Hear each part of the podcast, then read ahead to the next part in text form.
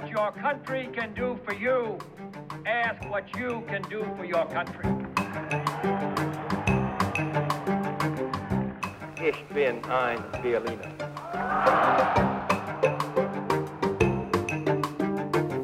What kind of a peace do I mean, and what kind of a peace do we seek?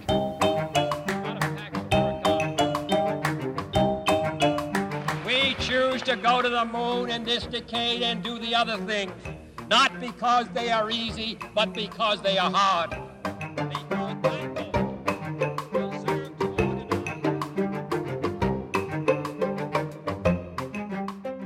Goddag og velkommen her i Kennedyland, en podcastserie, hvor vi dykker ned i fortællingen om det mest berømte af alle amerikanske dynastier, nemlig Kennedy-dynastiet.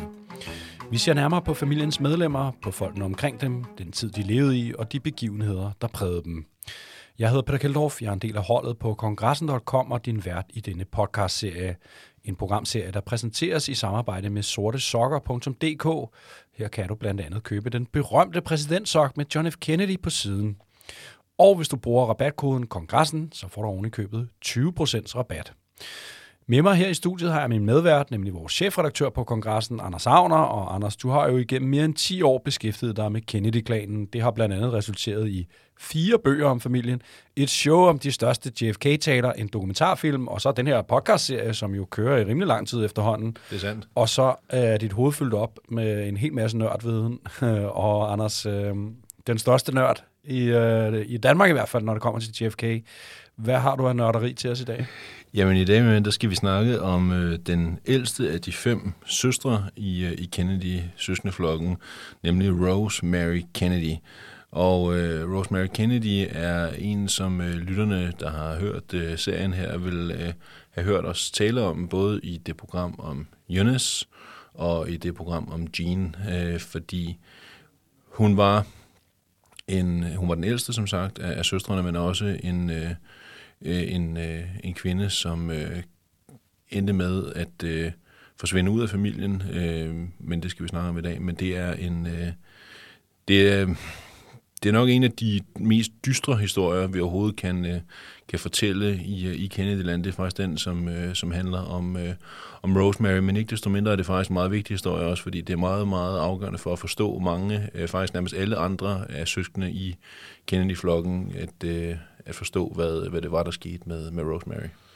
Og normalt så plejer vi jo at give ordet til personen, vi skal tale om til at starte med, men det kan vi faktisk ikke i dag, vel Anders? Nej, det kan vi ikke, for der findes ikke nogen øh, officielle lydfiler med, øh, med Rosemary Kennedy. Øh, altså, der sker jo... Øh, der sker jo det, at øh, altså Rosemary Kennedy er, som lytterne har, har hørt og også fortælle i nogle af de foregående programmer om både Eunice Kennedy Shriver og Jean Kennedy Smith, at Rosemary Kennedy er udviklingshemmet og øh, derfor også øh, i øh, gennem hele sin opvækst øh, skærmet fra offentligheden.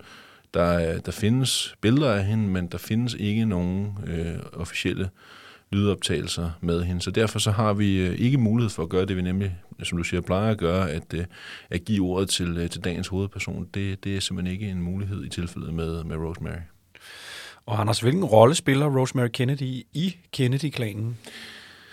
Jamen, hun, øh, hun spiller faktisk en, en større rolle, end, øh, end man er klar over, og øh, måske også nogle gange i hvert fald helt har, har forstået til, øh, til fulde, fordi kvæg, at øh, hun er udviklingshemmet, er hun jo ikke som de andre øh, søskende i, øh, i flokken. Øh, Øh, men det faktum, at de otte andre søstre vokser op med en, øh, en søster, som er udviklingshemmet, gør, at øh, de jo bliver meget bevidste om, at... Øh, at der skal gøres noget mere for at øh, hjælpe udviklingshemmede, både i USA og i verden i det hele taget.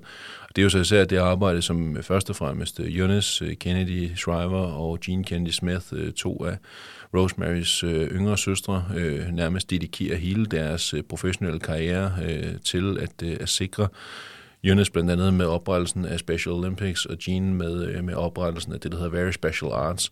Og det er altså meget eksplicit øh, at de begge to, især Jonas, har fortalt, jamen det er simpelthen på baggrund af, af Rosemary Kennedy og det, de så med, med deres store søster, og, øh, og vigtigheden af en større grad inklusion øh, af udviklingshemmede i, øh, i samfundet, som, øh, som gjorde, at, øh, at de kastede sig over det her arbejde på, på forskellige vis. Så hun er faktisk utrolig vigtig, altså hvis jeg sige, nu sagde jeg før det her med, at det er en meget, meget dyster historie, for det, det er jo selvfølgelig også noget af det, som man stadigvæk den dag i dag prøver så meget man kan fra, fra Kennedy-familiens side at øh, dyse ned, for det er ikke... Øh, Især ikke Joe. Det er altså ikke kønt, det der foregår det, det, er med faren. Det, altså ikke. det skal vi tale om senere. Joe Kennedys ageren. Men det er altså ikke kønt. Nej, det er det ikke. Det er faktisk en meget præcis måde at sige det på. Det er meget lidt kønt. Men lad os som altid starte helt fra begyndelsen. Rosemary Kennedy blev født den 13. september 1918. Hun var Joe og Rose Kennedys tredje barn og parets første datter, og samtidig fik de to drenge, på det tidspunkt Joe Jr. og John F. Kennedy, en lille søster.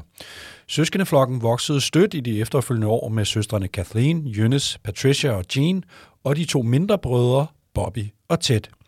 Men Rosemary, øh, undskyld, Rosemary var ikke som de andre søskende i Kennedy-flokken. Anders, hvordan kunne man se det på det tidspunkt? Jamen ved, at netop, øh, altså, hun er ikke som de andre. Hun opfører sig ikke som de andre gør. Selvfølgelig er alle børn forskellige osv., men, men hun adskiller sig blandt andet også ved, at, øh, at hun læringsmæssigt øh, ikke er, er, lige så, øh, er ligesom de andre, øh, hverken af, af brødrene eller søstrene. Og Joe Kennedy, patriarken, som vi jo har talt om i mange af programmerne, inklusive programmet om, om manden selv, er jo øh, en, øh, en bestemt herre, som øh, også tillader sig at have en enormt meget store krav til, øh, til sine børn. Og øh, han kan ikke forstå, hvorfor at, øh, at den ældste af hans øh, døtre, Rosemary, ikke kan klare øh, de samme ting, eller ikke har lige så let ved at lære, eller øh, ikke kan, kan op, ikke opføre sig på samme måde, som, øh, som de andre gør. Øh, så det begynder at vise sig øh, efterhånden, som, øh, som hun vokser op, at øh, især omkring indlæring og i måden, hendes, øh, hendes adfærd er, at hun er anderledes end, øh, end de andre. Hun skiller sig ud, og... Øh, og Joe kan ikke forstå det. Øh, altså, vi skal snakke lidt mere om det også senere på programmet. Han kan ikke rigtig forstå det, og han tænker, det må være fordi, jeg ikke enten er tilstrækkelig kontant over for hende, eller ikke stiller store nok krav, eller ikke giver hende en streng nok opdragelse. Og det er jo øh, fuldstændig fundamentalt forkert øh, i alle øh, facetter den måde, som Joe Kennedy han opfatter det. Men vi er altså også på et tidspunkt i historien, hvor at den viden, der er omkring øh, mennesker, der er udviklingshemmede, som Rosemary er, den er ret begrænset. Ja, øh, præcis. Så øh, det, er, det er en del af forklaringen. Jeg synes bare ikke, det skal lyde som om, det er en undskyldning, fordi det er bestemt ikke i nærheden af tilgiveligt, det som, øh, som hun blev udsat for.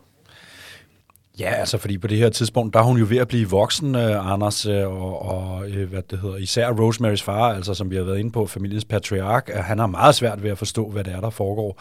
Og, og på det her tidspunkt, hvor hun er ved at blive voksen, der er man, kan man godt sige, at hun sådan udviklingsmæssigt er på niveau med 4. klasse eller deromkring. Ikke? Ja, det er noget i den stil. Altså, det er i hvert fald også det, man sådan, når man prøver at finde ud af, jamen, hvor er hun henne, og hvor meget kan hun, og hvor er hendes læringsniveau osv., så, videre, så er det cirka der omkring, hun ligger.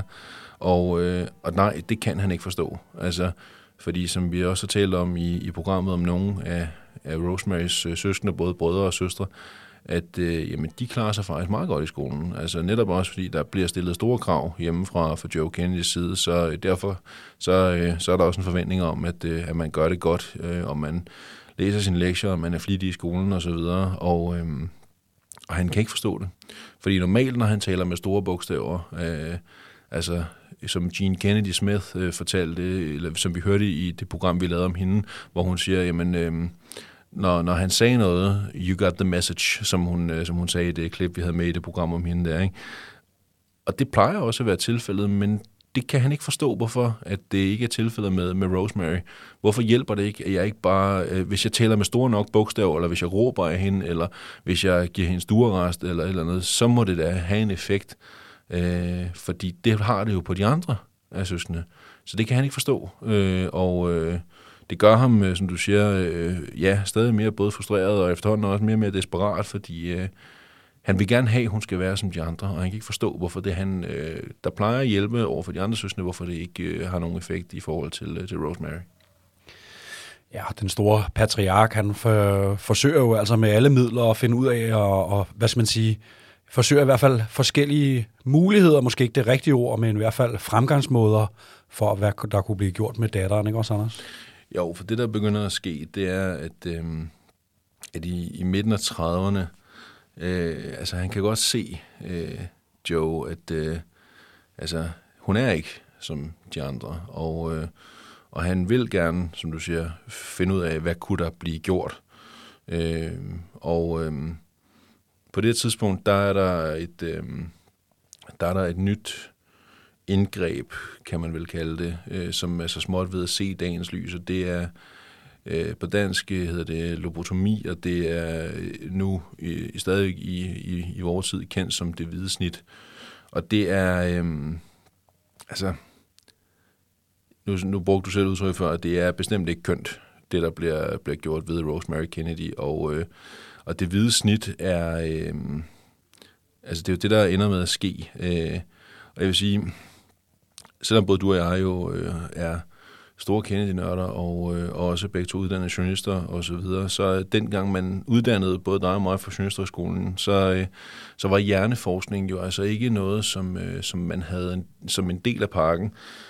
Men det er der heldigvis råd for, min ven, fordi øh, der er en, øh, en mand, som i øvrigt også, kan jeg fortælle dig, er, øh, er meget, meget stor øh, Kennedy-kender, nemlig den øh, hjerneforsker, som hedder Peter Lund Madsen. Øh, folk kender ham jo sikkert udmærket, både fra, fra tv, radio og så videre.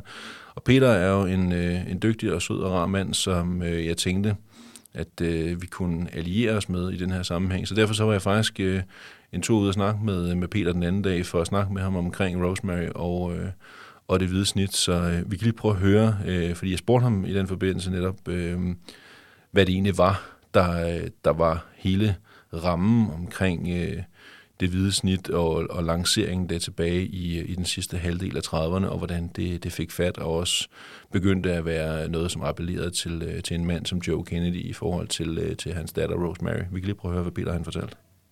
Det hvide snit opstår i en periode i medicinsk historie, øh, hvor lægerne er desperate.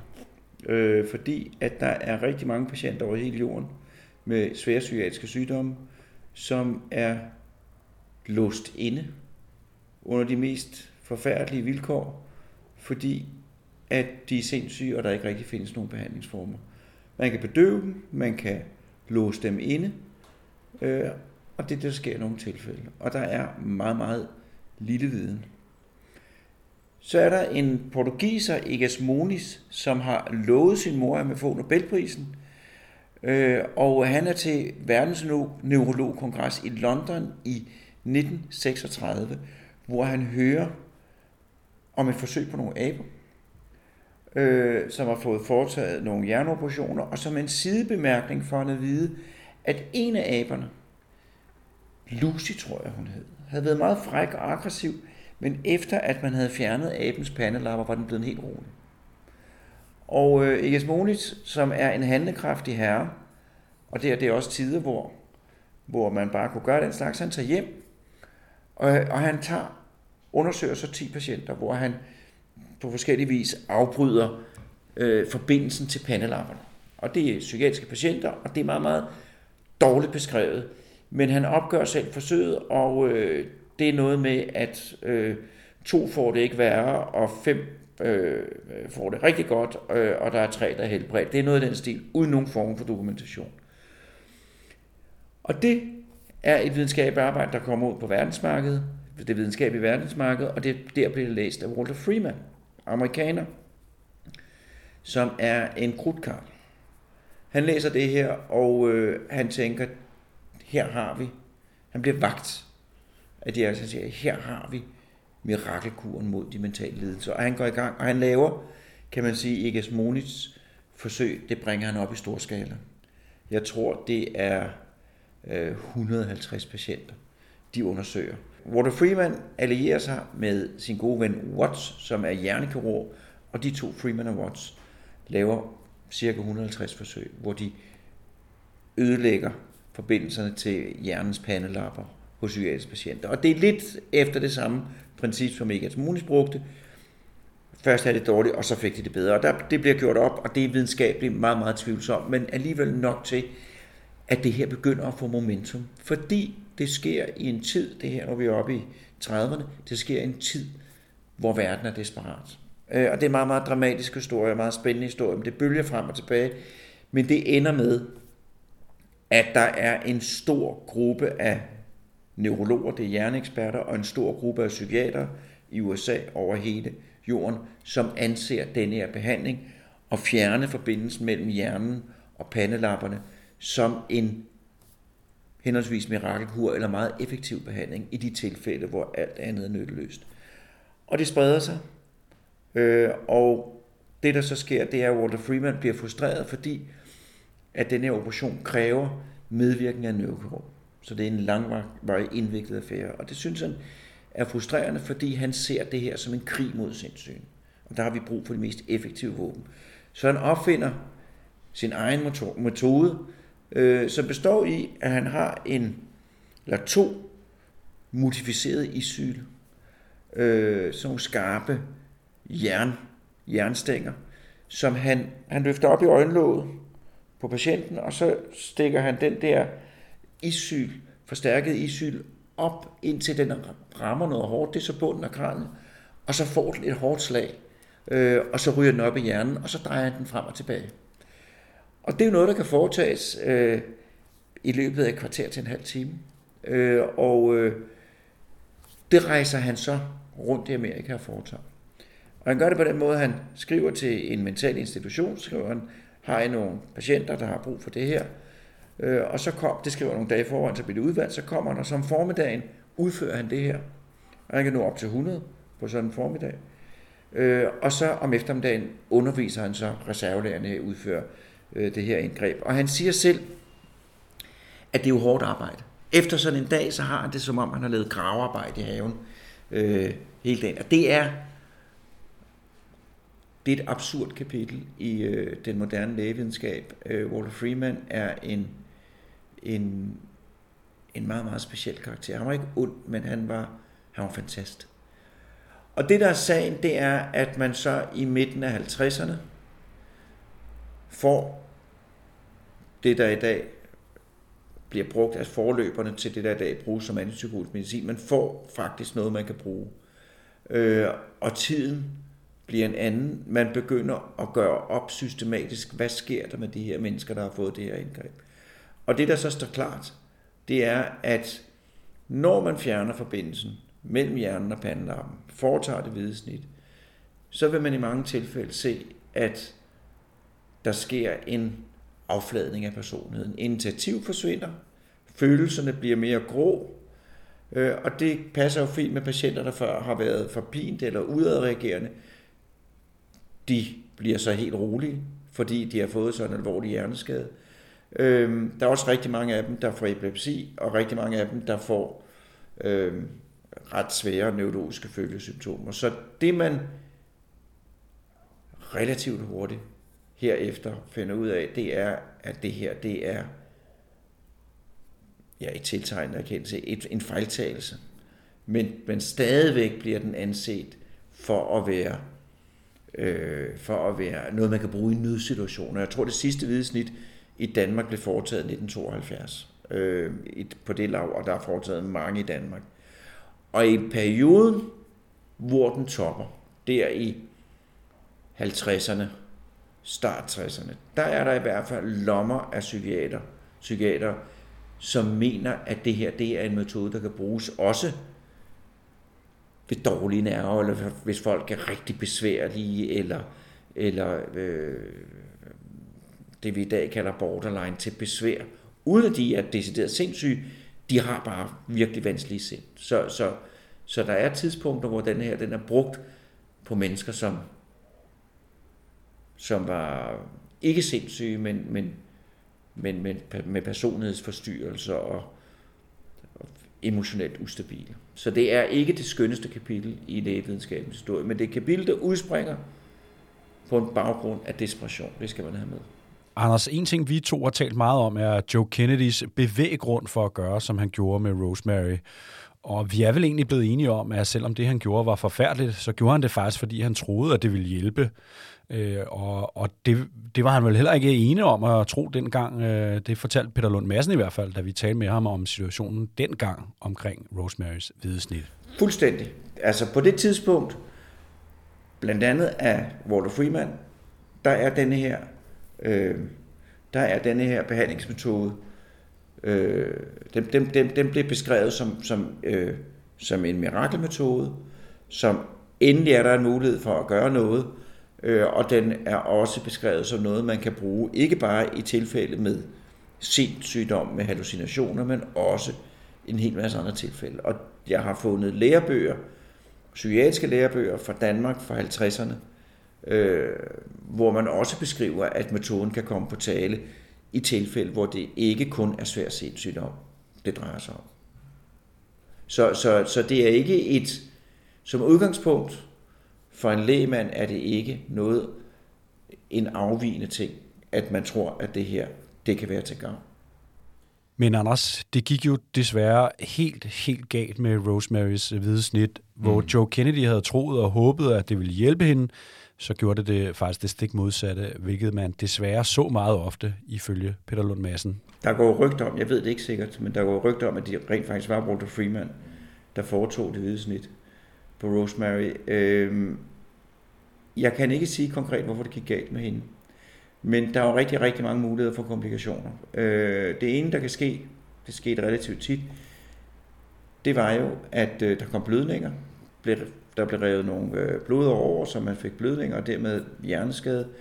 Øh, og det andet, man må sige, det var, at det her, det var jo ikke en, i mange tilfælde særlig kontrolleret operation.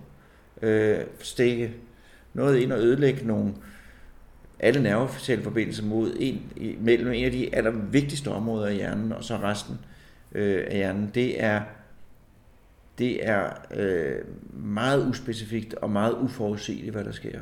Øh, og øh, der var rigtig, rigtig mange, som blev svært hjerneskade, svært hjerneskade af det her. Øh, og det kommer på alle mulige forskellige øh, i alle mulige forskellige former, inaktive, øh, at man ikke kunne holde på afføringen, at man fik epilepsi, som jeg sagde, øh, alle mulige former for, for, for, for, for hjerneskader kunne man få i det her, fordi det var ukontrolleret behandlingsmetode.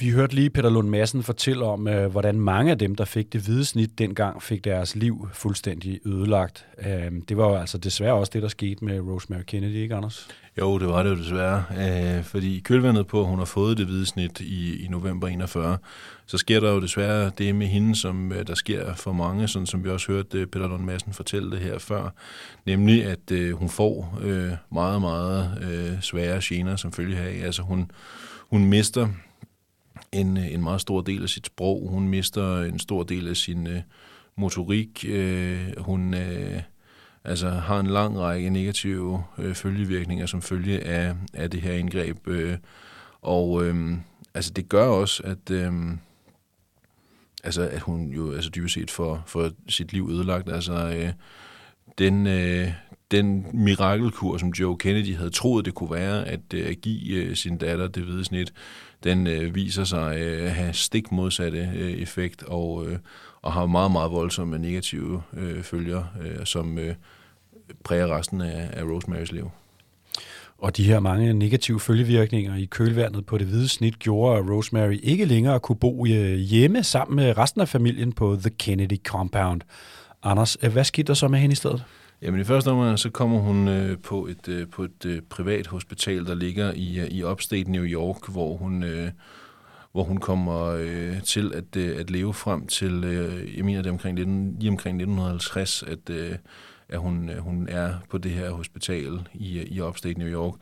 Derfra så flytter hun, øh, blev hun flyttet til, øh, til Wisconsin, øh, Øh, til et, øh, et behandlingssted også, hvor hun, øh, hvor hun faktisk lever resten af sit, øh, af sit liv. Øh, hun blev faktisk øh, ret gammel, øh, dør først i, i 2005. Men langt det meste af sin øh, tilværelse i kølvandet på, hun har fået det hvide snit, tilbringer hun øh, i, øh, i Wisconsin, øh, et sted, hvor, et, øh, hvor at, øh, hun er langt væk fra resten af, af Kennedy-familien, og langt, langt væk også for, for offentlighedens søgelys. Anders, der er jo en grund til, at historien om Rosemary er et særligt dystert kapitel i historien om øh, Kennedy-klanen, om familien Kennedy. For især farmand Joe Kennedys agering i kølvandet på det her fejlslagende hvide snit, det er, er meget lidt beundringsværdigt, som vi har været inde på, ikke? Og det må man sige. Altså, øh, det, er, det er simpelthen... Øh, altså, det der sker, er rystende, altså, øh, for at sige det mildt. Altså, fordi Joe Kennedy har truffet beslutningen om, at Rosemary skal have det hvide snit. Han har jo ikke på noget tidspunkt følt behov for at inkludere sin hustru, Rosemarys mor, altså Rose Kennedy, i beslutningen. Det er en, som, som Joe har taget øh, ganske, ganske egenrådigt og tænkt, det er strålende. Det er det, der skal ske. Altså, vi hørte Pelle Lund Madsen fortælle om, om Walter Freeman, manden, som lavede det hvide snit på, øh, på Rosemary. Øh, ham har Joe Kennedy talt med, og det er det, der skal ske, og så kørte man, og så eksekverede øh, Freeman på, øh, på Joe Kennedys befaling.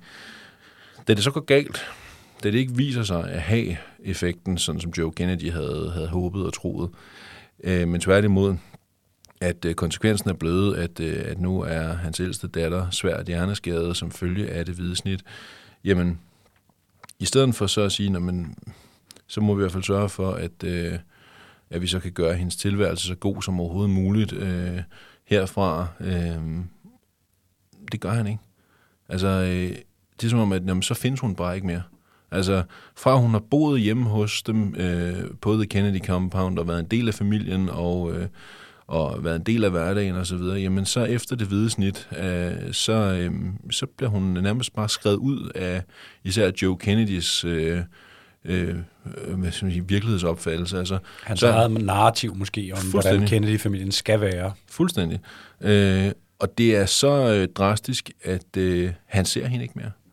Altså, fra november 1941, da Rosemary Kennedy får det hvide snit, og efter hun så kommer til det her første hospital der i, i Upstate der ser hun ikke sin far mere. Altså Joe Kennedy, han lever altså helt frem til, øh, til efteråret 1969, det vil sige, øh, altså...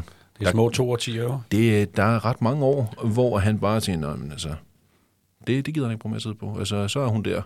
Øh, og for det ikke skal være løgn, altså, det er jo sig selv fuldstændig, altså, det er jo utilstedeligt og utilgiveligt, øh, og man kan slet ikke sætte sig ind i, hvordan man som far bare kan tænke sådan, at ja, men så må hun være der, min datter, så øh, gider jeg ikke bruge mere tid på det. Men øh, han er, øh, han er rimelig øh, omsorgribende i sin, øh, i sin udelukkelse af hende, fordi det gælder ikke kun ham selv, det gælder hele familien. Det vil sige, det gælder øh, hans hustru, altså Rosemarys mor, Rose Kennedy, og det gælder øh, de, øh, de øvrige søskende i, øh, i flokken. Og øh, det er faktisk først, øh, da, øh, da Joe Kennedy dør, at der bliver reetableret en eller anden form for forbindelse til, øh, til Rosemary fra, øh, både de, øh, de tilbageværende søskende og også fra, øh, fra, fra Rose Kennedys side, og det er altså, altså, nu snakker vi det der, det er ikke kønt, altså jeg vil sige, det, øh, det er direkte usmageligt, altså jeg kan ikke, altså, det er så umenneskeligt, det han foretager sig Joe Kennedy omkring det her, at øh, altså, jeg kan godt forstå, at Kennedy-familien den dag i dag ikke er særlig stolte af det her, og gør, hvad de kan for, at øh, fokus er drejet over på noget andet, fordi det er, øh, Ja, det er sjældent, jeg, jeg savner ord, men det er faktisk tilfældet her. Var det i 1941, det skete? Ja. Så talte jeg jo faktisk øh, 10 år forkert lige før. Det er jo faktisk rent faktisk en små 30 ja, år, det at manden ikke ser hans, år. Uh, hans datter. Ikke? Jeg helt... synes, den her historie, Anders, så må du korrigere mig, hvis, jeg, hvis du synes, jeg tager fejl. Men jeg synes, den her historie, farmands behandling af Rosemary, viser det her massive, massive pres, der ligesom er lagt ned fra den store patriark Joe Kennedy, ned på den her søskende flok. Altså, hvis du kan noget, jamen så skal du i den direkte linje til toppen, og, og hvis ikke du kan noget, jamen så sidder du i den anden ende af spisebordet, som pigerne gjorde, og de små brødre, der ikke var gode mm. nok.